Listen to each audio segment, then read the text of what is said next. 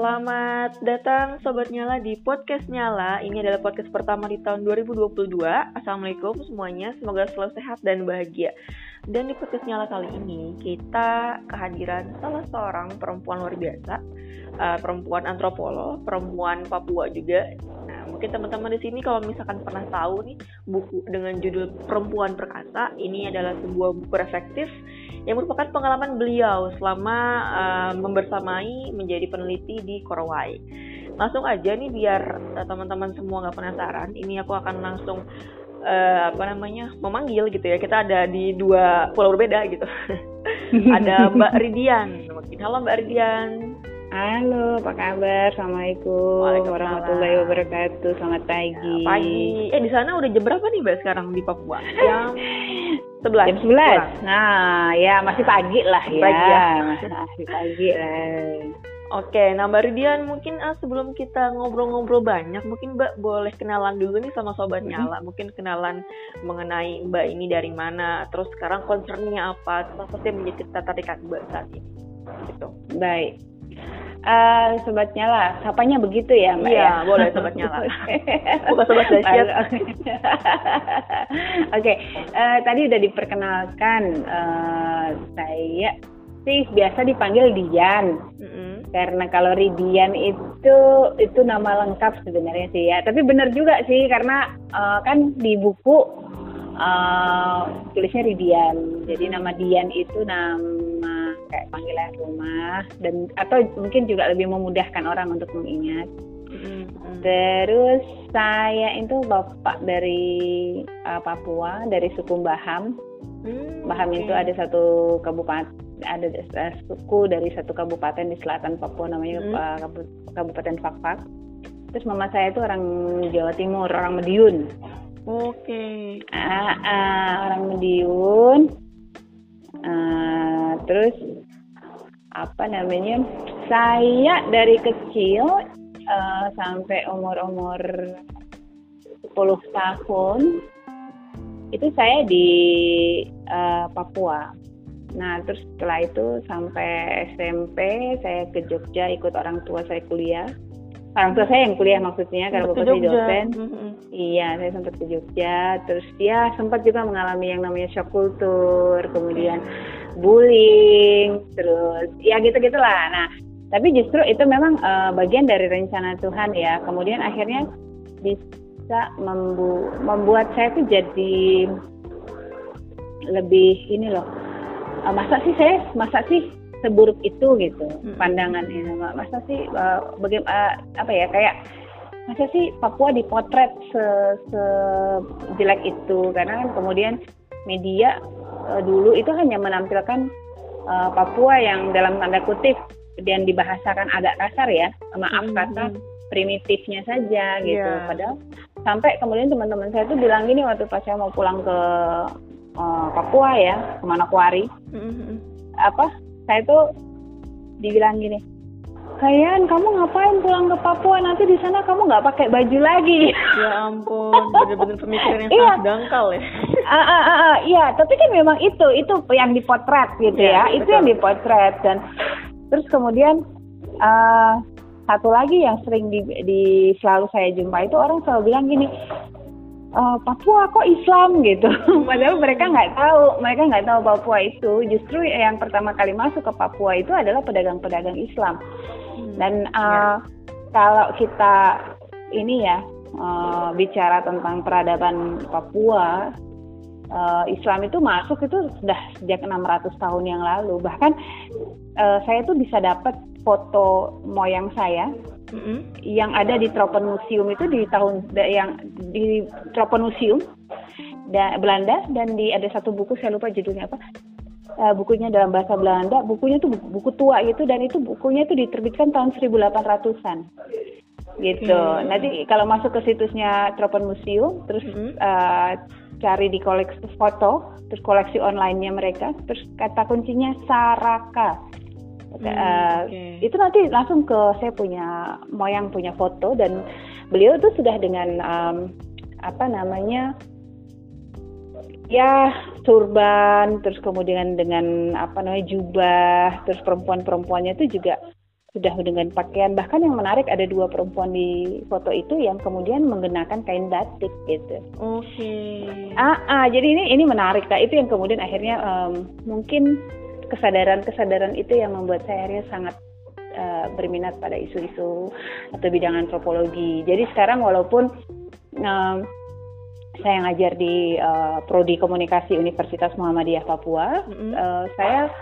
banyak mengkaji uh, kajian ada yang namanya visual antropologi sebenarnya. Okay, visual Jadi visual ya. antropologi ini uh, sebuah kajian yang sangat baru Uh, jadi bagaimana kemudian kita harus kembali diajak kembali menulis ulang sejarah melalui dokumentasi uh, foto dan video mungkin ya yang ada di dalam sejarah yang mungkin selama ini tertutupi atau ditutupi.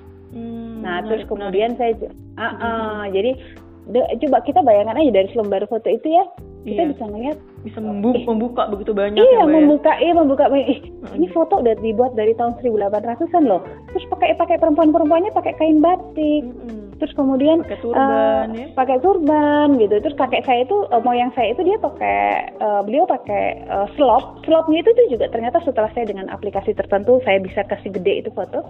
Dan saya memang menyurat ke Tropon Museum. Saya bilang saya adalah keturunannya dan saya minta file foto yang asli. Okay. jadi dikirim tuh file yang file yang gede gitu. Hmm. jadi saya bisa zoom dan itu saya bisa bisa dapatkan ini, dapatkan uh, di sepatu kakek saya itu juga ada kayak apa bukan sepatu yang polos. Jadi dia tuh ada ukiran batik Motif, gitu. gitu. tuh batik iya, terus di surbannya juga gitu. Nah, itu yang uh, kemudian kita bisa melihat bahwa ternyata oh, berarti kan timbul pertanyaan dong, loh batik, batik, batik batiknya dari mana dong? Berarti kan ada perdagangan gitu, hmm. gitu. Nah, itu itu menarik yang kemudian sangat menarik dari uh, antropologi. Terus kemudian saya juga ya kalau dua sebenarnya sih yang saya sangat concern tuh uh, uh, visual antropologi dan komunikasi antar budaya atau uh, apa namanya interkultural komunikasi. Jadi okay. menarik untuk mempelajari ih uh, bagaimana sih kemudian itu uh, kon, apa kontak ya komunikasi-komunikasi yang terbangun antara orang-orang dulu ya di, di daerah yang mungkin dalam tanda kutip tadi di framing oleh media. Iya uh, dianggap primitif, terbelakang, ah terbelakang primitif, iya. tapi kok ternyata bisa sampai segini gitu. Mm-hmm. Dan itu banyak banyak sekali eh, dokumen-dokumen yang akhirnya bisa kita lacak sebenarnya. Kalau yeah. hanya dengan selembar foto itu, jadi orang bilang selembar foto sejuta makna, That, beneran ya? Itulah, beneran. beneran. Kita bisa menulis terjadi. ulang sejarah hanya karena dari selembar foto. foto. Iya, benar. Iya. Nah, menarik banget ya Mbak Dian. Ternyata juga antropologi juga sangat sangat berkembang. Tadi ada visual antropologi. Iya, iya, iya. Ini juga tadi Mbak Dian sampai menelusuri ya, sampai jejak nenek moyangnya gitu ya. Dari fak-fak berarti Mbak tadi ya, fak-fak dan Jawa Timur Mbak ya. Iya, kalau dulu tuh fak-fak dibilang uh, Jazirah, Jazirah Onim. Onim Ah, ah, ah. Jadi kalau eh, di di Tropon Museum itu tidak dibilang Fafak tapi dibilang Onim. Semenanjung Onim, Jazirah Onim. Iya, ya. Jazirah. Iya, iya ah, ah, ah, kata kuncinya itu. Aku sempat dengar juga itu uh, sejarah peradaban Islam di Semenanjung Onim. Mm, Cuma untuk detailnya emang belum terlalu banyak menggali. Tapi menarik iya. kan. Akhirnya apa Mbak sebagai salah satu ini ya keturunan gitu keturunan justru dari seseorang yang cukup berpengaruh gitu dulu ya. Dalam sejarah ya, yang ada di dalam foto itu. iya. Iya. Luar biasa mbak. Bisa nemuin titik itu ya gitu ya. Iya alhamdulillah alhamdulillah, oke nah mungkin uh, ini Mbak, tadi kita kan di awal uh, apa sudah membuka sedikit nih mengenai uh, rasa penasaran kita sebetulnya uh, seperti apa sih Mbak uh, kehidupan perempuan Papua di sana, terutama mungkin tadi dalam konteks Korowai gitu ya, yang pernah Mbak datangi yang pernah mbak teliti atau mungkin justru juga ada justru kehidupan atau fakta atau nilai lain yang justru belum pernah atau mungkin jarang di ekspos media gitu mengenai terutama isu-isu kesetaraan gender gitu. Seperti apa sih mbak memandang dan melihat di sana gitu? Karena kan selama ini sering kali yang ada di media adalah ya masyarakat adat gitu ya dengan uh, segala apa namanya uh, nilai-nilai adatnya kan juga banyak yang hmm. justru merepot yang kesannya perempuan, sangat gitu ya uh, uh, sangat ya. menyakiti perempuan Betul. dan nah, ya, dan kita, kita kan ada temuan lain yang justru menarik dan sangat mungkin mencolok gitu ya dan mungkin mbak bisa cerita sih soal itu ke kita seperti apa sih yang mbak temukan mengenai tadi kesetaraan gender dalam hmm. apa masyarakat Korowa dan mungkin hal lain yang harus kita tahu gitu iya jadi gini mbak Alul uh, kalau kita bicara tentang uh, titik awal ya titik -hmm. awal uh, bahwa kembali saya kan dibesarkan dalam dua kultur nih. Nah, kultur Jawa dan kultur uh, suku Baham yang kemudian ternyata mereka punya satu benang merah yang sama. Jadi Oke. untuk teman-teman di Papua di seluruh di seluruh Indonesia atau mungkin di luar kalau ada yang dengerin ya, Mm-mm. eh, Papua itu punya eh, sistem kepemimpinan itu bukan cuma kepala suku. Oke. Orang selama ini selalu berpikir bahwa eh, sistem kepemimpinan di Papua itu kepala suku tok. Mm-mm. Nah, padahal kalau menurut eh, Dr. Jos Manosoben eh, yang menulis tentang sistem kepemimpinan tradisional Papua, itu kepemimpinan eh, Papua itu ada sistem kepala suku, Mm-mm. terus kemudian ada sistem kerajaan, terus kemudian ada sistem campuran, Oke. atau kemudian big man lah dikatakanlah. Big man. Big man ini, uh, uh, big man ini, big man ini, mereka kalau kerajaan, kepala suku, Ondoafi, itu kekuasaan diwariskan Diwariskan kepada ya? anak.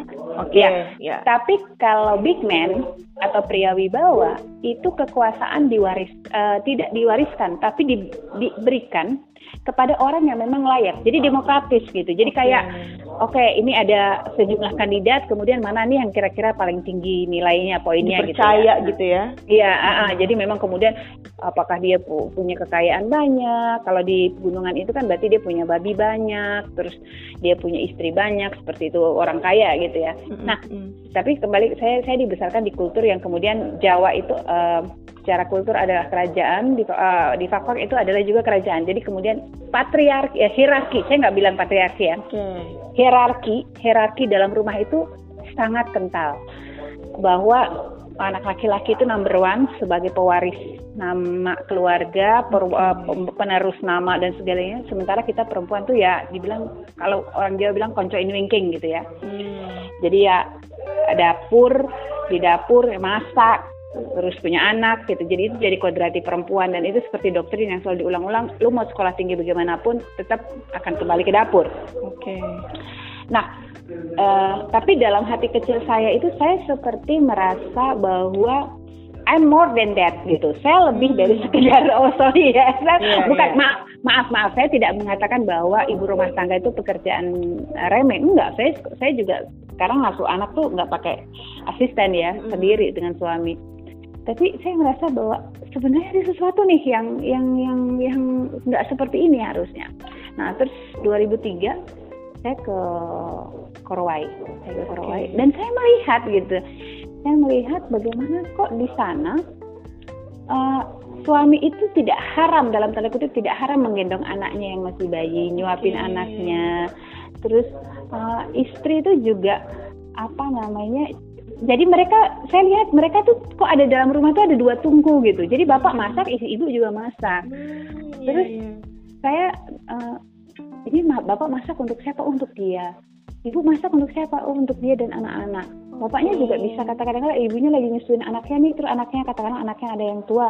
Dia eh, apa namanya eh, belum makan gitu ya udah bapaknya bakarin sagu atau bakarin pisang terus nyuapin anaknya gitu dan itu tidak bukan sesuatu yang 2003 waktu saya ke sana itu Korowai belum seperti maksudnya dia dikenal orang di dunia luar turis-turis banyak datang Mm. tapi kemudian eh, mas kita masih mudah me- menemukan orang dengan pakaian-pakaian tradisional Hmm, ya. gitu terus eh, waktu itu kan belum ada dana desa jadi orang lebih banyak tinggal di dusun gitu.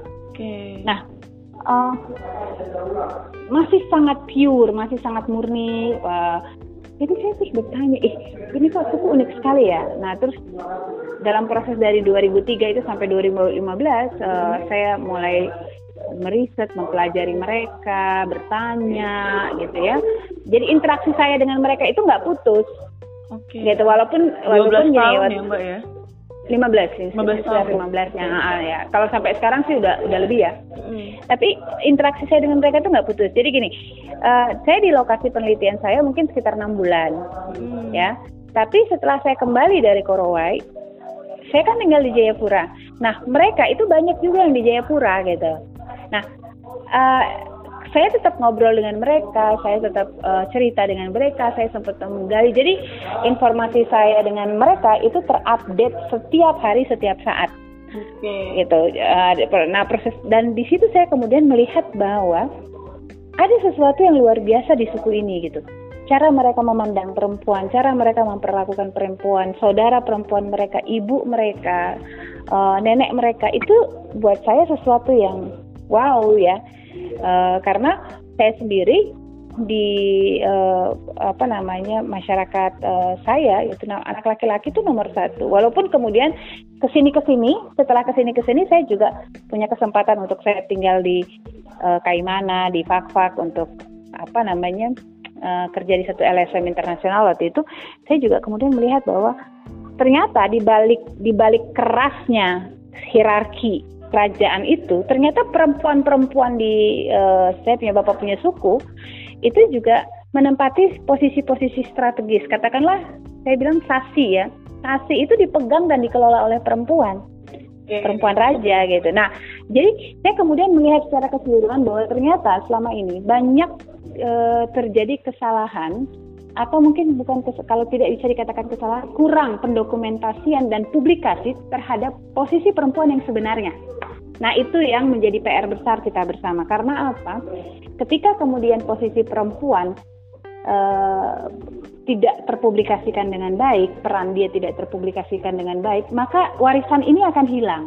Dia akan menjadi pemahaman yang salah diterima oleh generasi selanjutnya bahwa ya sudah perempuan tuh uh, ini terus kemudian oh e, namanya kesetaraan gender itu nilai yang dari luar gitu, yang kebarat-baratan hmm, gitu. Ya, ya. Padahal itu sebenarnya kalau dari kajian saya dari katakanlah dari 2003 sampai sekarang itu bukan sesuatu yang baru sebenarnya. Ada dalam dalam budaya kita itu ada gitu dan uh, ini sekarang saya lagi uh, coba meriset menggali dan mengumpulkan tadi dokumen sebanyak mungkin dan juga berusaha untuk mempublikasikan sebanyak mungkin. Makasih ini Mbak Ahul saya diajak ngobrol di sini. Iya ini karena ini juga menjadi kemudian ya, iya menjadi channel uh, saluran buat kita ngobrol dan publikasi kan. Benar. iya gender kesetaraan gender itu bukan nilai yang baru. Walaupun mungkin ya, walaupun mungkin ya uh, apa namanya di beberapa daerah ada yang sangat kuat tapi di beberapa daerah yang lain mungkin agak lemah. Nah di Korowai di Korowai itu juga yang menarik adalah bahkan sampai uh, pemimpin ritual adat dalam pesta ulat sagu itu laki-laki dan perempuan. Oh. Jadi ternyata Milon, iya Milon itu bukan sendiri. Tapi Milon itu Iya, jadi Milon itu untuk laki-laki, Milon Lal itu perempuan. Nah, iya, jadi kalau itu kelihatan sekali dari struktur bangunannya mereka gitu. Jadi apa namanya denah rumahnya mereka. Mereka tidak pernah mengenal kata belakang. Okay. Hmm, untuk rumah-rumah itu rumah buat mereka tuh nggak ada yang kayak kita dapur di belakang dapur enggak itu di di rumah kayak uh, timur barat gitu barat untuk perempuan laki, timur laki-laki gitu okay. jadi jadi dan masing-masing itu punya tungku sendiri-sendiri gitu jadi nggak uh, ada mungkin istilah uh, apa namanya depan atau ini ya karena hanya untuk menandakan bahwa ini bagian hulu sungai hmm, gitu. Jadi ya. uh, di di rumah pesta ulat sagu itu ada nanti kalau di buku saya itu ada namanya yang uh, di, di ada ritual pembakaran sarang burung tanda kutip sarang burung namanya wawo famul itu sebenarnya bukan sarang burung tapi pinggiran dari uh, uh, atap rumah pesta yang dibuat dari daun sagu itu dibersihkan pinggirannya di ya di di, di dibersihkan terus nanti dia akan menjadi satu gumpalan besar mirip sarang burung. Nah itu digantung. Nah digantungnya kita membahasakannya tuh bagian depan rumah padahal bukan depan rumah itu bagian hulu rumah. Hmm. karena bagian hulu rumah iya di bagian hulu rumah eh, rumah itu menghadap ke hulu terus ya akhirnya kita bilang kita yang yang di bagian belakangnya itu menghadap uh, ke hilir. Jadi depan uh, ya kita kita kita sebenarnya bahasa depan belakang tuh tidak dikorowai untuk untuk katakanlah pembagian dinas rumah itu nggak ada. Hmm. Gitu. Uh -uh. Nah nilai-nilai ini yang sebenarnya kemudian um, banyak kita lupakan atau mungkin sengaja dilupakan, terutama kemudian uh, maaf kata untuk beberapa korporasi yang harap gampang uh, uh, uh, untuk kemudian pengambil alihan tanah sebenarnya. Dan Karena kan kalau mbak, mbak dinamika soal tadi tanah wilayah terus konsesi gitu. Hmm. Bagaimana? Dinamika mengenai tadi gejolak apa mungkin konsesi korporasi tanah wilayah gitu sejauh dan separah apa sekarang Kerowai Iya memang ini ya kalau kita lihat kayaknya ini kan gejala di semua tempat sebenarnya di Kalimantan juga saya saya lihat juga ada ada ada isu yang sama Papua juga di, di semua tempat seperti itu.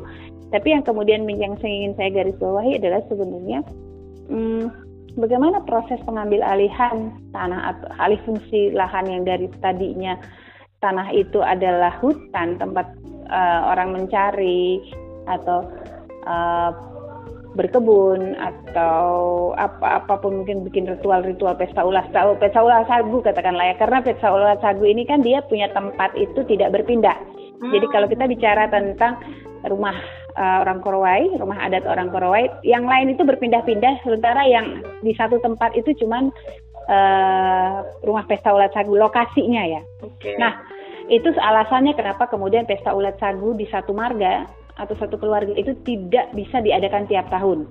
Hmm. Karena ris ketika pesta ulat sagu itu maka dia akan menghabiskan uh, resource yang ada di sekelilingnya.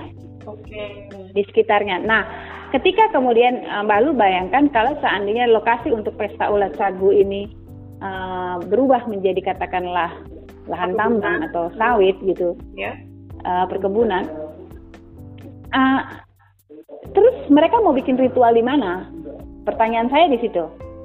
Mereka nggak mungkin, mereka nggak mungkin uh, membuat ritual itu di marga lain. Iya. Yeah. Iya kan? Nih, itu yang pertama. Atau oke, okay, katakanlah udah kita nggak nggak bakalan bikin di lokasi titik A katakanlah.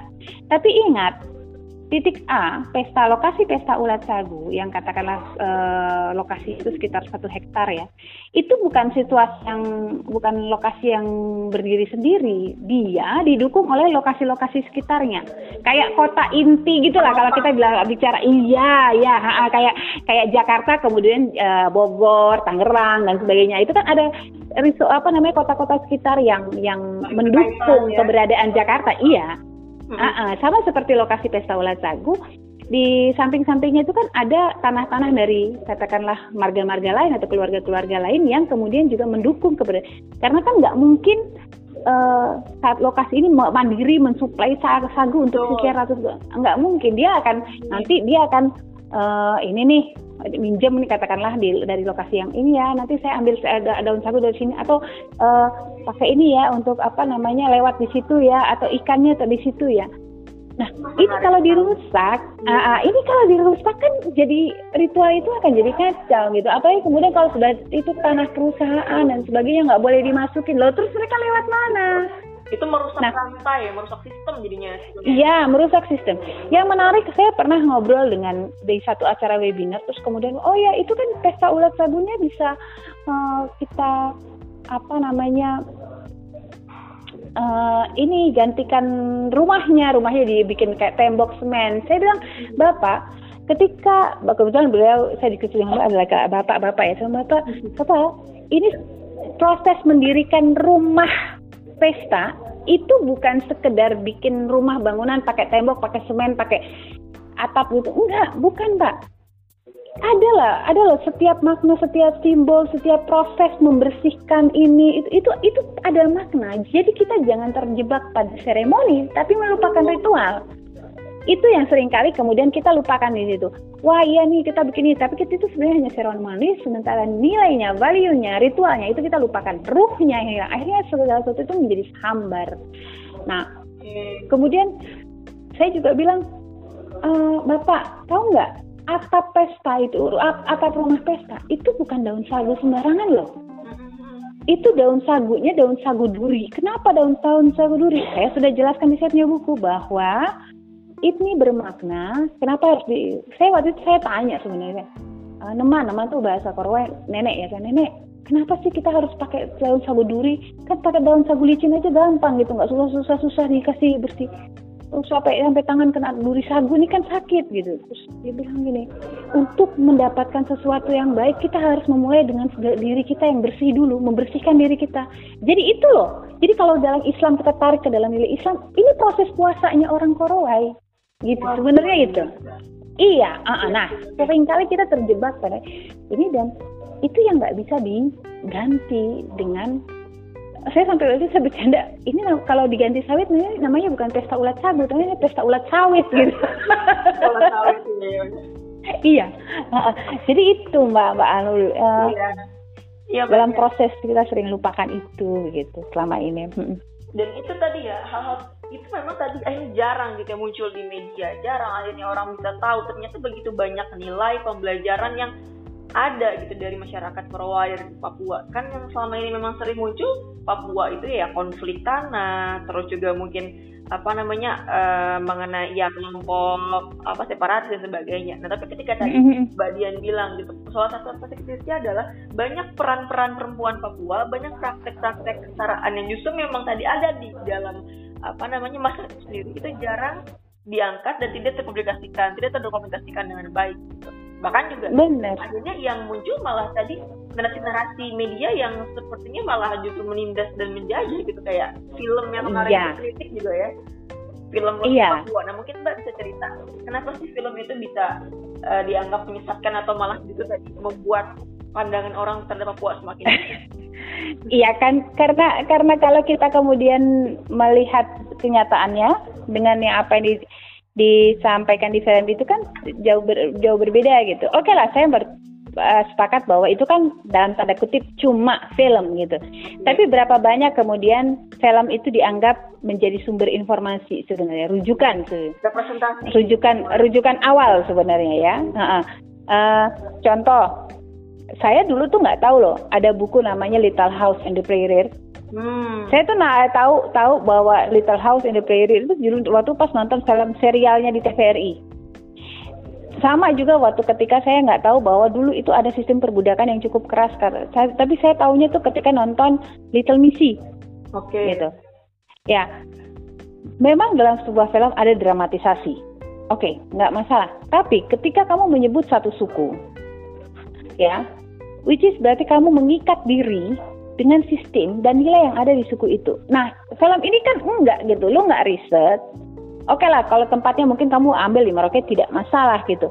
Tapi kan kamu tidak melakukan riset, kamu tidak mulai terus kemudian kamu uh, apa namanya dengan seenaknya mengatasnamakan suku Korowai. Ini kan sesuatu yang sangat sangat disayangkan gitu. Karena kemudian kembali lagi melahirkan stigma dan stereotip yang lebih parah lagi tentang masyarakat ini. Ya, saya memang berusaha memaklumi bahwa mungkin sebagian masyarakat kita itu tertarik pada dua isu yang seksi yaitu darah dan dada. Jadi ke sesuatu yang sistemnya kalau udah wah seksis gitu ya, terus kalau udah ada konflik berdarah-darah itu kayaknya seru gitu oh, dibanding sesuai. Iya, tapi kan sebenarnya uh, kita bisa melihat bahwa ternyata film-film yang berkualitas konfliknya itu tidak harus sedramatisir itu. Film-film yang kemudian diingat selalu uh, ya seperti tadi Little House in the Prairie itu kan sesuatu yang kita lihat itu kehidupan atau film dulu ingat nggak sih film ada namanya Full House? Yeah. atau serial Friends Iya, itu kan sesuatu atau uh, it, itu kan sesuatu yang sebenarnya dia tapi kemudian uh, jalannya smooth, tidak terlalu harus stereotype, tapi terus justru uh, tokoh-tokohnya itu memberikan kesan yang baik dan penuh dengan muatan pendidikan. Nah, bagaimana sebenarnya kita sebagai orang yang dalam tanda kutip memiliki akses, memiliki kemampuan, itu sebenarnya harus bisa mendistribusikan pesan yang positif. Dan ini sebenarnya saya mau katakan bukan hanya untuk di uh, suku di Papua atau di Korowai saja, tapi juga mungkin untuk suku-suku lain, suku-suku bangsa yang lain di, di Indonesia yang mungkin selama ini masih dipotret dengan cara yang berbeda gitu. Hanya sesuai dengan oh yang penting uh, mengejar tadi keinginan atau selera iya. Iya kalau saya tuh prinsipnya gini uh, katakanlah anak kita itu maunya makannya uh, manis-manis saja coklat permen gitu ya jangan turutin kita ibunya dong yang harus ngarahin. Oke, okay, kok oke, okay, kok boleh makan permen, coklat dan sebagainya nggak apa-apa. Tapi kok juga harus makan nasi, kok harus harus makan sagu, kok juga harus makan keladi gitu. Jadi itu harus disediakan. Nah, media kita yang memiliki kemampuan untuk menyediakan itu kita sediakan nggak? Kita harus sediakan. Iya. Gitu. Betul. Karena ini ini penting, ini penting. Akan kita suatu hari nanti akan menyesal ketika kemudian ternyata barang ini hilang. Uh, kalau hasil penelitiannya Profesor Rupert Stats, beliau mengatakan bahwa suku Korowai ini tinggal satu-satu uh, berdua dengan suku Kombai tinggal satu-satunya di dunia yang memiliki kemampuan dan budaya rumah pohon. Yang lain udah nggak ada. Dulu ada di PNJ, uh, dulu ada di Fiji, di, di uh, Filipina juga ada, tapi terus kemudian udah hilang 200 tahun yang lalu. Budaya udah musnah. Dan itu sayang sebenarnya. Padahal mungkin ada hal-hal positif yang sebenarnya kita bisa bisa lihat di situ gitu kan. Nah, mungkin persoalan-persoalan sosial sekarang justru sebenarnya kita bisa belajar dari mereka untuk kemudian dipecahkan. Tapi kalau udah hilang terus kita mau mana gitu, itu sayang sekali gitu.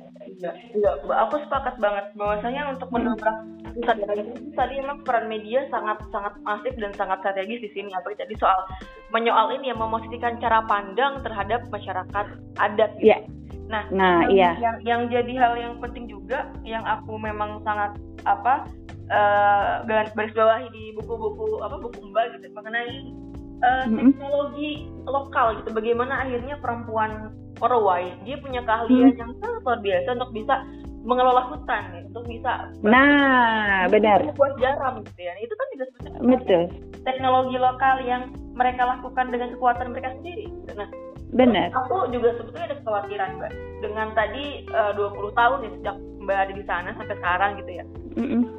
Uh, pembangunan semakin mm -mm. masif gitu. tadi alih fungsi semakin banyak terjadi pola penginteran konsumsi masyarakat juga bisa saja terjadi nah sekarang hmm. itu kira-kira seperti apa sih Mbak Prowai dampak pembangunan terhadap Prowai? Apakah itu mempengaruhi nilai-nilai, kemandirian, juga tadi mungkin mengisi sumber daya yang ada di sana. Seperti apa sekarang kira-kira Prowai yang yang yang, yang Mbak lihat Mbak?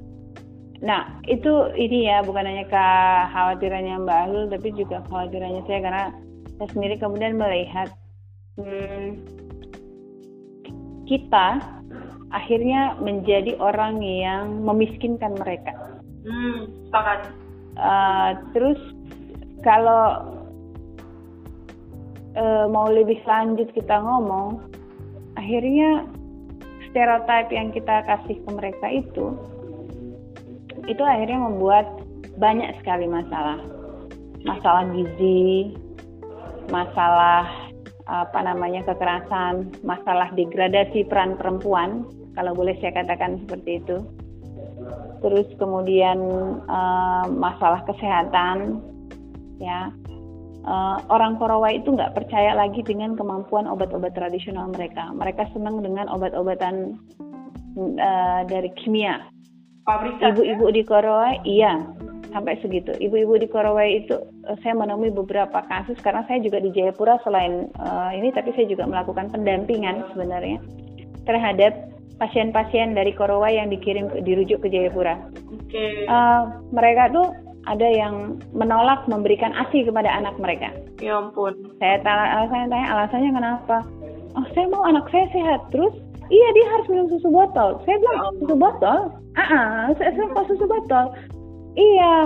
Kan ini anak-anak kota itu sehat-sehat karena mereka minum susu botol. Terus saya bilang yang ini? Saya kasih susu formula ya. Iya iya susu terus saya bilang mama ini kan tidak ada di kampung. Terus kalau tidak ada di kampung bagaimana? Ah yang penting kita punya botolnya. Tahu nggak airnya botolnya diisi apa? Diisi air. Ya ampun oke. Okay. jadi mereka menganggap that something di, di ada magic di dalam botol itu. Jadi bukan susunya. Kekuatan botol apa, ya kekuatan botol iya. Jadi di di botol itu yang jadi nggak masalah mau diisi apa yang penting pakai botol. Terus saya bilang uh bukan itu terus saya itu sampai terakhir 2018 2019 eh, saya ke sana itu saya bawa anak saya dan saya kasih tunjuk sama mereka saya ini kasih asi loh ke ke, ke Raihan. Gitu. Jadi baru kemudian mereka bilang ini Raihan ini minum susu mama susu mama. Iya saya bilang iya dan itu yang paling baik. Begitu. Ya itu. Terus uh, tadi saya bilang gizi. Uh, mereka menganggap bahwa makan super mie hmm. oh, maaf sorry uh, mie instan iya mie instan itu jauh lebih bergizi dibandingkan makan sagu. dengan ulat sagu atau dengan ikan. Hmm. gitu. Jadi di kampung ya Mbak, maaf terputus. Terputus sih kayaknya sinyalnya apa gimana? Tiba-tiba putus soalnya. Ah, saya sudah maklum, saya sudah maklum, udah selalu setiap kali ngomong Korea itu pasti nanti ada kat-katnya. Oh gitu. Magic. Nggak nggak apa-apa. Oke, tadi kita terputus di waktu Mbak datang ke Korawai sambil bawa Rehan terus menyusui Rehan. Ah, ah. Iya, jadi waktu saya nyusui main mereka bilang gini, "Eh, Mbak, kakak ini anak laki-laki nih dia minum ini kak eh, susu mama. Mereka tidak bilang ibu mau susu mama. Ya "Ih, susu mama bilang, iya. Dan waktu itu uh, Reyang udah cukup besar dua dua tahun lebih ya dua tahun tiga bulan. Terus saya cerita. Jadi punya kesempatan sebenarnya untuk menunjukkan ke mereka bahwa uh, yang paling baik itu asi sebenarnya. Nah terus saya juga ya masalah gizi tuh di kampung saya pernah uh, waktu ke sana terus saya ngasih ada satu anak yang bantu-bantu saya angkat-angkat barang saya kasih dia uang. Nggak berapa lama dia kembali ke saya dengan bangganya dia bawain saya eh, dengan uang yang tadi saya kasih dia beli itu ikan kaleng. Sarden.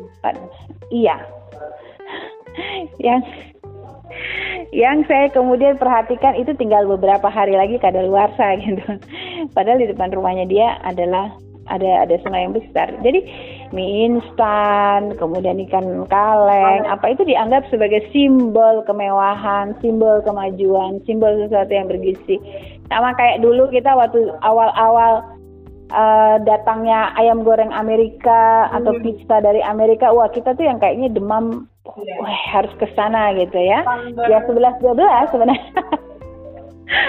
Jadi eh, kemudian kalau ini terjadi akulturasi yang keliru. Jadi budaya, budaya ini berkembang, tetapi kemudian karena kemudian timbul stereotip bahwa yang namanya se- yang modern, yang hebat, yang bagus, yang bergizi dan yang segala macam baik-baik itu semua yang berbau kota, sementara yang di kampung itu sesuatu yang jelek, yang eh, kuno dan sebagainya itu yang kemudian akhirnya membuatkan sekarang masyarakat Korawa itu terjebak pada situasi yang ambigu gitu. Dia eh, hawa eh, pingin ke atas susah ke bawah juga ditakut dibilang kuno kolot dan sebagainya. Dan itu menyentuh semua lini semua lini. Eh, di Korowai saya eh, saya pernah juga menulis tentang eh, makna noken dan saya juga ada kegelisahan bahwa perempuan-perempuan Korowai itu mereka sekarang lebih memilih menggunakan karung goni atau karung plastik yang bekas beras itu untuk jadi tas mereka dibandingkan mereka merajut noken dengan alasan kalau noken kan lebih susah, lebih berat, prosesnya lebih panjang gitu. Terus kemudian uh, mereka lebih senang menggunakan uh, anak-anak mereka uh, baju, walaupun kemudian bajunya itu nggak dicuci. Di saya punya buku saya katakan bahwa baju itu ada apa namanya beras itu uh, bukan produk tunggal gitu. Dia produk pasar dan dia harus berdampingan dengan produk lainnya. Katakanlah baju itu kan dia punya produk pendampingnya ada- adalah sabun. Iya. Nah, nah sekarang dua-duanya ini kan harus diakses dengan uang cash. Nah, uang cash itu gimana cara mendapatkannya? Di tengah hutan gitu kan? Nah, eh, ya akhirnya terjebak pada situasi yang eh, mau nggak mau mereka harus kalau nggak eh, jual tanah ya berarti tambang gitu. Kalau dulu masih mending karena ada pariwisata. Itu membuat mereka uh, bisa mendapatkan uang cash. Nah, kalau sekarang sih saya dengan teman-teman dari rumah belajar coba untuk menanam kopi di sana. Kopi ya. Dengan kopi ya. Uh, uh, jadi kita bikin uh, men- menunggu- uh, menggunakan pendekatan permakultur. Jadi bagaimana kemudian itu sealami mungkin nggak apa-apa kopinya kita tanam uh, nggak usah ada perawatan pestisida, nggak usah ada perawatan apa-apa. Makanya kemudian kita mengatakan itu kopi hutan. Jadi ini bukan uh, kalau kopi organik kan kesannya itu memang perkebunan tapi di treatment organik. Tapi kalau kopi hutan yang ini diinisiasi oleh rumah belajar dengan uh, apa namanya beberapa teman dari WEA itu kita apa namanya me- mem- menanam kopi itu sealami mungkin. Jadi nanti kalau tumbuh ya tumbuh, kena apa berapapun hasil dari eh, buahnya itu kita petik gitu kan, mengembalikan kopi dalam sebagai marwahnya dia sebagai tanaman hutan. Okay. Gitu, uh, kopi. Terus kemudian um, harapannya apa? Kalau katakanlah jenis robusta, dia kan lebih tahan dari dengan hama ya. Uh, dengan sistem uh, perairan yang baik, sistem apa tanah di sana yang masih bagus, saya kira itu akan apa akan ada hasil yang cukup lumayan. Terus kalau pernah saya juga ditanya, loh nanam kopi di Korowai, ntar pemasarannya gimana? Susah banget gini-gini. Saya bilang tahu nggak kalau di Korowai sekarang ada tambang apa tambang emas paket dan itu orang ribuan di atas di sana. Nah orang-orang ini para penambang-penambang emas ini kan semua minum kopi daripada dia minum kopi dari Jawa yang harganya puluhan ribu sampai di tak ada lokasi tambang, masyarakat bisa kan metik biji kopi dan kemudian jual ke sana kan tinggal digoreng. Prosesnya lebih mudah dibandingkan katakanlah kalau coklat atau vanili sebenarnya. Okay. Eh, walaupun kemudian uh, rumah belajar juga sebenarnya mencoba untuk mendorong vanili juga, tapi itu di daerah Jayapura ya, kemitraan dengan dengan petani. Nah, uh, selain itu juga masyarakat Korowa itu ada sekitar 20 atau 30 orang kemarin tuh uh, dibawa sama ada guide dari Medan terus diminta kerja di kebun kopinya dia selama sekitar dua tahun. Jadi saya kira sudah ada transfer knowledge uh, yang di masyarakat. Iya, jadi mereka untuk menanam kopi itu bukan sesuatu yang baru sebenarnya. Jadi saya sendiri saya cukup optimis. Insya Allah tiga tahun lagi, empat tahun lagi kita bisa dapat kopi dari Korowai gitu ya itu ya tapi jangan jangan berharap itu akan menghasilkan sekian ton berapa ribu ton enggak gitu tujuannya adalah kemudian bagaimana masyarakat adat dia memiliki uang cash jadi bisa mengakses pendidikan kesehatan dengan yang lebih baik karena kalau dari kampung dia untuk ke puskesmas itu dia harus pakai perahu sekitar satu jam dan itu minimal keluarkan uang 150 ribu. Oke, nah ini, uh, ini mbak yang aku juga pengen tahu sebetulnya kalau misalkan untuk konteks Korowa dan Papua itu sejauh apa pemanfaatan dana desa di sana Mbak? Karena kan tadi kalau soal kesehatan, pendidikan, infrastruktur, apakah selama OSTUS ada di Papua itu apakah ada perubahan signifikan terkait dengan tadi keterbukaan akses, keterbukaan layanan bagi masyarakat di sana Mbak? Yang Mbak lihat? Iya, tidak bisa juga bilang tidak ada. Oke. Okay. Ya, tidak bisa juga dibilang tidak ada. Tetapi yang saya bisa katakan memang masih minim masih minim ini kan memang juga kita lihat uh, harga BBM untuk ke sana uh, karena ini kan daerah yang sangat remote sekali. Saya kalau ke sana itu uh, 15 juta itu untuk saya sendiri. Dari uh, 15 juta itu untuk transport doang. wow. uh, ya. Perahu. Iya naik perahu. Jadi dari Jayapura naik pesawat dulu, naik pesawat agak besar ke Tanah Merah, terus dari Tanah Merah saya naik pesawat yang kecil yang isi enam orang. Oke. Okay. itu baru naik perahu, baru jalan kaki. Jadi sekitar iya itu yang saya bilang sekitar 15 juta untuk transport doang ya pulang pergi. Nah, uh, terus ditambah lagi memang persoalannya adalah kita bicara tentang hati ya. Oke. Okay. Uh, kadang-kadang hati dan keterpanggilan gitu berpihakan ya. Keberpihakan. Ya memang perlu orang-orang yang punya hati dan jiwa dan keterpanggilan yang besar untuk mau tinggal dan mengabdi di daerah remote. Tapi juga itu harusnya didukung oleh fasilitas. Hmm, di Danau Wage itu ada satu klinik dari sebuah yayasan uh, Kristen. Namanya klinik Siloam terus kemudian ada eh, sekolah juga. Tapi dengan kemudian ada guru ada dokter ada mantri ada suster. Tapi ingat mereka itu dilengkapi fasilitas yang wah gitu.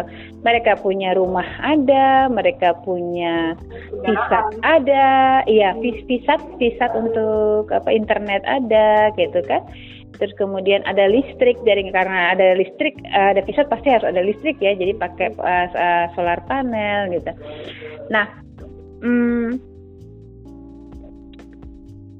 berbeda jauh dengan yang fasilitas yang disiapkan pemerintah. Oke. Okay. begitu. Nah ini sesuatu yang manusiawi ketika katakanlah ini loh Mbak, orang yang biasa tinggal di kota terus jauh terus di bujang terus tiba-tiba harus jauh dari keluarga itu kangen gimana dong? Minimal kan kalau ada visa bisa bisa WA-an bisa video call pakai WA gitu kan. Nah eh, fasilitas-fasilitas pemerintah kita itu masih jauh dari kalau dibandingkan ya kita bandingkan ya yang punya yayasan dengan uh, yang punya pemerintah jauh sekali masih sangat jauh pemerintah kita cuma mungkin katakanlah bangunannya saja jadi kemudian katakanlah mungkin guru atau dokter atau itu tuh agak kurang betah mungkin ya di tempat itu. Terus kemudian juga masalah keamanan. Kalau walaupun sebenarnya di Korowai sendiri mantuk masalah isu keamanan uh, separatis itu jauh, tapi uh, dan uh, enggak ini ya. Cuman ya itu tadi kembali masalah tadi kadang-kadang uh, rasa rindu pada keluarga itu kan juga faktor psikologis yang menjadi pertimbangan. Akhirnya ya udah saya mendingan di kota aja gitu daripada saya di kampung ngapain gitu. Oke. Okay. Iya. Iya mbak. Hmm. Nah tadi ini uh, tadi apa selain melihat bagaimana pembangunan di Papua tadi ya dampaknya keberpihakan yang ya tentu ini masih harus dikritisi dan diperhatikan secara juga gitu mbak. Mm-hmm. Tadi juga yang aku sedih dengar kabar dan juga mbak mengenai bagaimana pengetahuan lokal segitu tergerusnya gitu ya. Ada mm-hmm. di peran perempuan juga tadi alih lahan. Nah, um, untuk apa namanya pak sekarang kondisi hutan sendiri gitu mbak dari adanya perusahaan tambang dari adanya sawit bagaimana kondisi hutan di sana sekarang mbak kalau sekarang sih kan memang tambang yang ada di Korawa itu tambang rakyat ya. Oke, oh tambang rakyat. Ya, uh, uh, tambang rakyat bukan seperti uh, uh, perusahaan-perusahaan multinasional gitu ya, itu bukan ya. Uh, uh, terus sekarang kalau untuk sawit sendiri sih memang baru ada petanya, udah ada izinnya, tapi kan belum pelaksanaan. Tapi e, bukan berarti kita bisa ah santai aja kan belum pelaksanaan. Oh enggak, ini ini sesuatu yang harus kita cegah sebenarnya dan kalau bisa kita batalkan karena e, kembali tadi e, kita nggak mungkin kita nggak mungkin membiarkan e, kita kehilangan budaya dan kembali ada hal-hal tertentu yang tidak bisa diganti atau di tukar dalam proses tadi, proses-proses ritual-ritual adat seperti itu.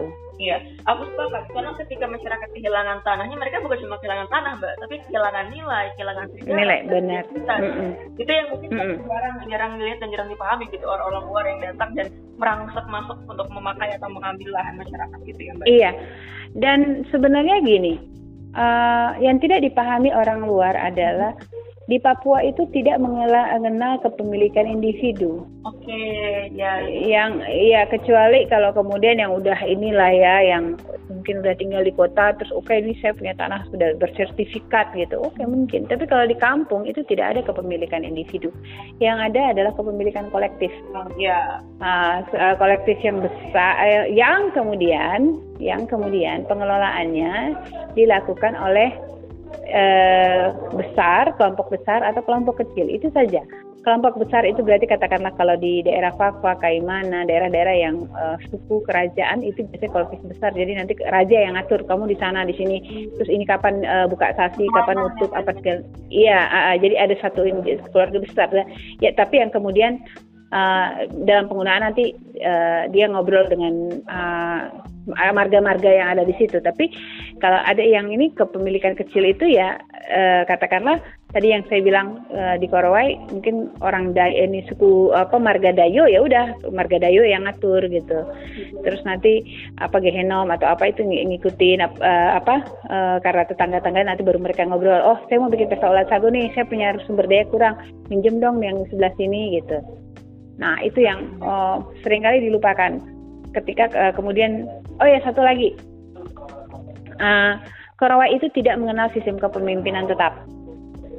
Jadi tidak ada, ya tidak ada namanya uh, ke, raja kepala suku, iya tidak ada namanya raja kepala suku. Nah, uh, panglima perang itu nggak ada.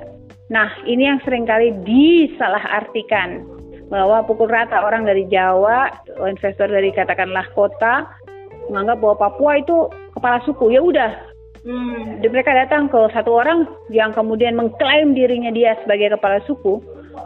Uh, ya udah, baru terus dia meng mengatasnamakan seluruh Korowai. Enggak, yang ter yang ada itu adalah orang yang dituakan di uh, marga tertentu. Gitu, katakanlah uh, Dayo ya. Uh, saya saya ini uh, kan diangkat anak sama orang Korowai suku apa marganya marga Dayo. Nah di Dayo itu yang paling dituakan siapa uh, ada kita panggil namanya Bapak Tua Kili-Kili. Oke, batu kili-kili. Kili-kili sama dahi. Dahi itu yang ada di foto di di di apa namanya uh, buku saya perempuan perkasa yang dia lagi mangku anak oh, kecil iya. bayi. Ya. Nah, itu itu salah satu yang di yang dituakan di di Margadayo. Tapi bukan berarti dia punya hak kolektif untuk memerintah saudara-saudaranya yang lain untuk bah kamu harus ini, kamu harus itu. Enggak. Prosesnya adalah musyawarah. Nah, uh, Margandayo iya Iya. Jadi jadi dia tidak bisa jadi dia tidak bisa menjual katakanlah Dayo terus kemudian mengatas dia kepala suku nih kepala suku Korowai terus kemudian dia menjual tanah miliknya Gehenom atau uh, mana nggak bisa gitu dia punya kekuasaan hanya di marganya dia itu pun dia harus ber, uh, membagi informasi atau meminta pendapat dari keluarganya dia adik kakaknya dia Maksudnya gitu. Kenapa? Iya dan perempuan, iya dan dan dan tidak peduli laki-laki atau perempuan. Karena kalau kita lihat dalam pesta kembali uh, apa tesis saya itu membuktikan bahwa di rumah pesta itu sagu itu tidak diletakkan di tempat laki-laki, diletakkan di tempat perempuan gitu. Berarti apa pengendalian sumber daya itu sebenarnya di perempuan. Iya. Nah, uh, proses-proses ini yang sering kali dilupakan oleh atau mungkin tidak tahu entah atau dilupakan gitu ya sama uh, investor yang kemudian datang harap gampang kan mungkin ribet ya kalau wah saya mau katakanlah 2 juta hektar terus ada berapa ratus marga nih yang harus saya ajak ngomong ya udah satu marga aja udah selesai bawa Jakarta. Nah, ini juga Mbak terkait tadi uh, berkaitan dengan adanya masih pembangunan, masifnya apa industri ke sana gitu ya, itu mm-hmm. pola konsumsi, peran perempuan bagaimana kira-kira itu mempengaruhi relasi antara perempuan dan laki-laki di sana? Apakah tadi itu hanya menyulut justru adanya konflik antar apa namanya konflik gender di sana atau menyulut ada juga dengan gender sejauh ini yang Mbak? Saya terus terang saya sedang meneliti itu. Oke. Okay. Saya sedang sedang berupaya untuk uh, mencari dana. Mudah-mudahan ini didengar sama Dikti. Mudah-mudahan didengar sama Dikti. Saya sedang uh, apa namanya me, mencari, uh, eh, lagi lagi mau coba meneliti tentang perempuan dan pengelolaan sumber daya alam. Bagaimana kemudian konflik-konflik yang terjadi setelah itu? Karena kalau dulu, kalau dulu perempuan Korowai itu mereka cukup powerful dengan ini resource-nya mereka. Jadi bahkan katakanlah mereka dapat uang dari hasil bikin noken, hmm. itu uangnya mereka gitu suaminya nggak nggak punya hak untuk campur aduk di situ. Oke. Okay. Uh, uh, uh, jadi kalaupun dia kasih dia belikan suaminya rokok ya itu itu lain itu itu itu itu cinta kasih gitu ya. Atau katakanlah nih pelihara babi ya. Pelihara babi yang pelihara perempuan. Nanti yang yang ini yang mana laki-laki. Nah hasilnya bagi dua sama rata. Gitu. Bagiannya perempuan terserah kamu kasih dia kau punya saudara terserah yang laki-laki dia mau kasih kau punya saudara terserah gitu. Atau kalaupun dijual berarti hasilnya uangnya bagi dua. Ah, ah, nah itu itu secara tradisional gitu. Tapi kemudian bagaimana dengan, dengan tadi yang tadi situasi modern seperti sekarang ini uh, terus terang saya sedang berusaha untuk jadi karena ini penting. Penting sekali untuk kita ini karena kita ketahui bersama supaya uh, ya ada kejelasan sebenarnya. Ada kejelasan dari pihak investor bahwa mereka itu mau kalau mau masuk masuknya lewat mana sih siapa sih yang harus ditanya? Siapa sih aja yang harus dilibatkan? Dan ini kalau masuknya benar kan berarti mengurangi konflik. Kalau konflik kurang kan berarti budget untuk menangani konflik itu kan jadi kurang juga. Betul. gitu. Oke dan itu juga nanti akhirnya menjadi ini ya mbak ya. Mbak akan melihat sekarang jawab apa sih tadi degradasi itu terjadi gitu ya. Dari peran perempuannya terus jadi dari fungsi apa sumber daya alam jadi relasinya sih itu yang menurut juga penting untuk kita akhirnya yeah. sama-sama tahu seperti apa sekarang relasi yang terbangun gitu baik antara perempuan dan laki-laki antara perempuan dan hutan relasi pengelolaan hutan seperti apa karena uh, itu yang sama-sama kita takutkan gitu ya uh, hmm. dengan adanya tadi pembangunan yang tidak memihak dan industri yang tidak memihak itu malah akan menggerus memiskinkan membuat ketergantungan yeah. dan malah ya tadi apa mencabut akar-akar mandirian masyarakat adat itu sendiri. Mm -mm, mm -mm. Jadi kalau kalau kalau ini kan sebenarnya kan uh, jangan hanya memandang bahwa ah ini, ini kita hanya kepen, mem, membicarakan kepentingan masyarakat adat. Enggak. jangan berpikirnya jangan hanya seperti itu bahwa sebenarnya gini kalau pola pendekatanmu benar pola pendekatan apa itu akan lebih enak gitu. Kan kita juga senang ya kalau kita uh, berusaha berbisnis ya, membuka suatu ini. Uh. iya itu itu tidak ada atau minim konflik lah. Itu kan enak gitu nggak stres juga. Wah harus ini harus begitu. Tapi kalau uh, cara mainnya udah kasar apa akhirnya konflik harus menggunakan kekerasan itu kan juga bikin pihak dua-dua pihak itu sama-sama sama-sama rugi gitu. Yang menang jadi arang yang kalah jadi abu. Iya Nah, ini itu berarti yang menarik mengkoreksi cara memandang, mengkoreksi cara mendekati, mengkoreksi cara mm -mm. komunikasi gitu mbak ya. Karena mm -mm. sebenarnya tadi masyarakat terbuka kok ketika memang ingin ada proses kerjasama gitu ya, proses kolaborasi. Mm -mm. Yang penting jadi tetap dihormati hak-haknya, yeah. tetap dengan proses yeah. yang adil gitu ya, tidak ada mungkin iya. penindasan, perampasan dan sebagainya gitu. Karena iya, yang iya. menjadi masalah utama saat ini Papua adalah hal itu gitu, konflik tanah hmm. dan yang menjadi korban terbesar adalah ya orang-orang Papua sendiri kan mbak itu yang membuat iya dan perusahaan juga sebenarnya rugi loh perusahaan okay. juga sebenarnya rugi karena dia kan harus mengeluarkan biaya untuk itu okay. untuk untuk resolusi konflik harus okay. ini datangin ini datangin aparat harus begini harus belum lagi di konferensi pers di media belum lagi berhadapan dengan gugatan dari LSM iya itu itu kan budget keluar juga eh, kalau kita bicara sesuatu yang real di perusahaan mereka harus akui bahwa mereka juga keluarkan biaya sebenarnya dan itu biayanya saya yakin nggak nggak nggak kecil pasti besar. Nah, mungkin ini Mbak Dian uh, ke depannya nih refleksi kritis Mbak sebagai hmm. seorang perempuan Papua, perempuan antropolog yang juga memang tadi concern untuk bisa uh, melihat yeah. gitu ya bagaimana sekarang gitu perkembangan di sana. Apa sih Mbak sebetulnya kira-kira uh, peluang dan tantangan yang memang akhirnya ke depan harus kita sadari terkait dengan tadi membangun relasi adil gitu. Baik relasi antar uh, Papua sendiri gitu ya atau mungkin itu relasi dari Papua dengan orang-orang di luar Papua sendiri. Terutama mungkin tadi ya orang-orang Jawa yang datang pemerintah perusahaan atau mungkin juga CSO dan NGO yang datang ke sana.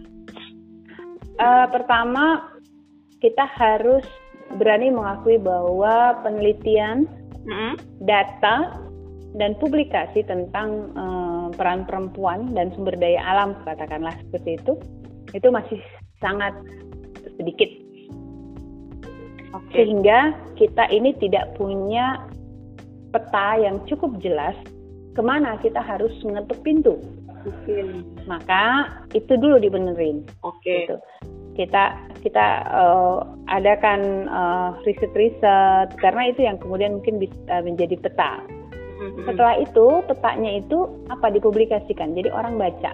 Setelah dia baca, dia harus mau dan bersedia membuka diri untuk menjadikan itu referensi dan melakukan sesuai dengan apa yang sudah disarankan. Seringkali saya tuh udah lah ini kan saya udah bilang kayak gini kenapa nggak jadi begini pak hmm, Terus, okay. ya ini kita untuk menghemat budget saya bilang iya bapak beli, beli apa budget hemat budget sekarang nanti di depan budget yang dikeluarkan akan lebih besar Aku kalau ada konflik. Ya, dampaknya ya. Iya, iya, gitu. Jadi mendingan kita tuh katakanlah orang tua kan kita udah ngajarin bersusah-susah dahulu, bersenang-senang kemudian, nggak masalah kan? Jadi paradigma berpikir yang harus dirubah. Uh, yang tidak akan pernah, tidak akan pernah ada kedamaian jika kemudian tidak ada keadilan dan tidak akan pernah ada keadilan kalau tidak ada kepercayaan. Okay. Tidak pernah ada kepercayaan kalau nggak ada rasa aman. Oke. Okay. Gitu. Ya, ya. Kalau saya saya aman dulu nih. Saya percaya, saya bawa, saya percaya bahwa saya aman kan. Saya gini, saya kenapa nggak saya ngobrol sama Mbak Alu kan? Saya merasa ketika saya ngobrol dengan Mbak Alu, saya aman. Saya nggak bakalan dibully, saya nggak bakalan di ini, nggak bakalan disalahkan, saya nggak bakalan dimanipulasi, saya nggak bakal. Saya rasa ah, ini aman dulu deh. Okay. Terus kemudian apa? Setara kita ngobrol setara nih hmm. ya nggak nggak apa investor itu jangan memandang bahwa masyarakat adat itu sebagai objek ya. kalau dalam kita bicara tentang modal usaha bisnis itu kan tiga modal, tanah, bekerja. Tiga-tiganya itu nggak boleh dianggap bahwa yang punya duit itu yang superior. Oke, kau punya uang segudang, tapi kalau nggak ada orang yang membantu kau kerja, terus kau mau bikin apa dengan uangmu? Atau oke, sekarang kau punya uang segudang, ada yang mau kerja, tapi lahannya nggak ada, terus kau mau tanam di mana? Itu sawit, atau kau menambang di mana? Itu kan? Iya, iya. itu itu saya punya pelajaran berharga Mbak Mbak Lu. Nanti izinkan saya cerita sedikit. Mudah-mudahan mudah-mudahan bukunya launch tahun ini atau tahun depan. Wih, ditunggu Mbak, nanti kita bedah. Ah, ah, ah, ah, cerita-cerita pengalaman. Jadi behind the scene-nya uh, behind the scene. cerita di balik layar pengalaman-pengalaman saya. Buku Perempuan Perkasa itu itu adalah proses interaksi saya di sana. Jadi saya pernah pernah cerita gini. Satu kali ada diare, saya datang. Dan saya tuh waktu itu datang satu bawa garam, bawa apa segala macam. Nah, garam saya yang ratusan yang yang puluh-puluhan kilo garam sama gula itu habis. Oke. Okay. Nah, terus saya punya uang cash gitu kan. Dengan pede dan sombong ya saya nyuruh satu orang anak nih turun ke ini ya ke daerah namanya Senggo. Itu dari Yani rumah ke Senggo itu sekitar satu hari. Hmm. pulang uh, pulang balik dengan perahu dua hari lah perahu ketinting ya. Nah, saya suruh ada duit 3 juta. Ini ada duit 3 juta beli semua garam dengan gula. Saya bayangin berarti bisa lumayan lah bisa dapat berapa puluh kilo gitu kan. 3 juta duit ini Setelah satu hari, dua hari, saya pikir oh mungkin besok sehari, dua hari, tiga hari lah seminggu nggak datang datang dia orang. Hmm. Dalam hatiku, apakah masa sih dia bawa lari uang? Ah, nggak mungkin. Udah siang, dengar tuh perahu bunyi perahu, wah gembira lah kita. Hmm.